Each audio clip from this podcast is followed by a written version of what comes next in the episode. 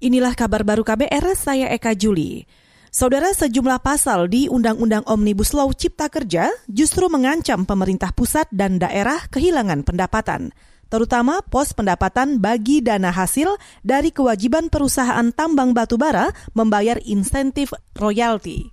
Menurut Koordinator Nasional Jaringan Advokasi Tambang atau Jatam Merah Johansa, pasal 128A di draft Undang-Undang Cipta Kerja mengatur tidak wajibnya perusahaan membayar insentif royalti, khususnya untuk perusahaan tambang batubara yang bergerak di hilirisasi dan mengerjakan proyek peningkatan nilai tambah batubara. Artinya perusahaan-perusahaan ini tidak perlu lagi menyetor royalti ke negara. Negara itu akan kehilangan pendapatan. Kalau negara kehilangan pendapatan dari royalti, maka akan berpengaruh ke dana bagi hasil. Sehingga eh, dana bagi hasil eh, dari yuran royalti ke daerah, terutama ketika ke 32 provinsi, itu akan berkurang drastis. Kalimantan Timur itu yang paling terdampak. Kalimantan Timur itu setiap eh, tahun mendapat kurang lebih 9 triliun. Di kesempatan yang sama, eksploitasi dan laju pengerukan tidak berkurang. Koordinator Nasional Jaringan Advokasi Tambang atau Jata Merah Johansah juga menambahkan, selain Kalimantan Timur, sejumlah provinsi juga terancam kehilangan dana bagi hasil dari insentif royalti tahunan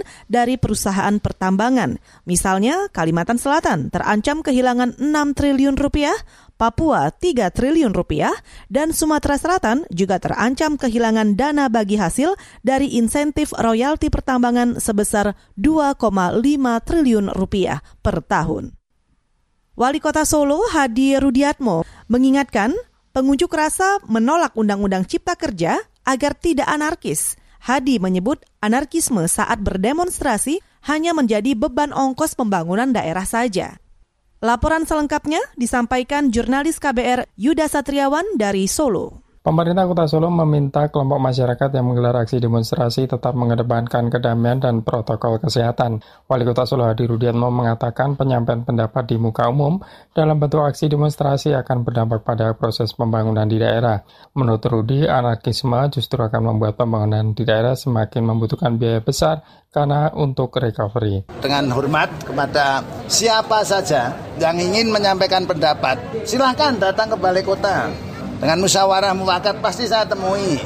Logik gandrung boleh, mau di pinggir kali juga boleh, silakan. Yang penting dalam penyampaian pendapat itu nanti ada solusinya. Kalau bicara undang-undang pasti aspirasi ini akan saya kirimkan ke pemerintah pusat. Kalau bicara dengan pergub kita kirimkan ke provinsi.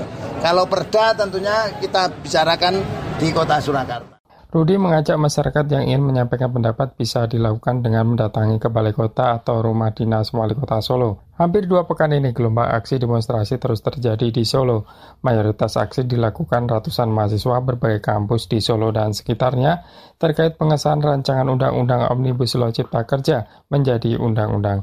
Dari Solo, Jawa Tengah, Yuda Satriawan, KBR. Kita ke bursa saham. Nilai tukar rupiah terhadap dolar Amerika Serikat kembali ke zona hijau pada perdagangan pasar spot hari ini, sesudah kemarin juga menguat 0,14 persen. Pada pembukaan perdagangan hari ini, kurs 1 dolar Amerika dibanderol dibanderol 14.630 rupiah di pasar spot.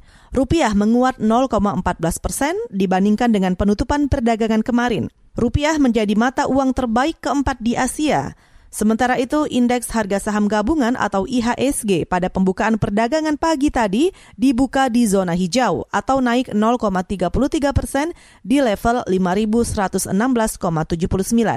Selang 18 menit masa perdagangan, IHSG bertambah semakin menghijau dengan naik 0,53 persen di angka 5.127,57. Analisis memperkirakan IHSG yang menghijau itu sebagai dampak positif atas kemajuan paket stimulus yang sedang diupayakan di Amerika Serikat. Saudara, demikian kabar baru. Saya Eka Juli.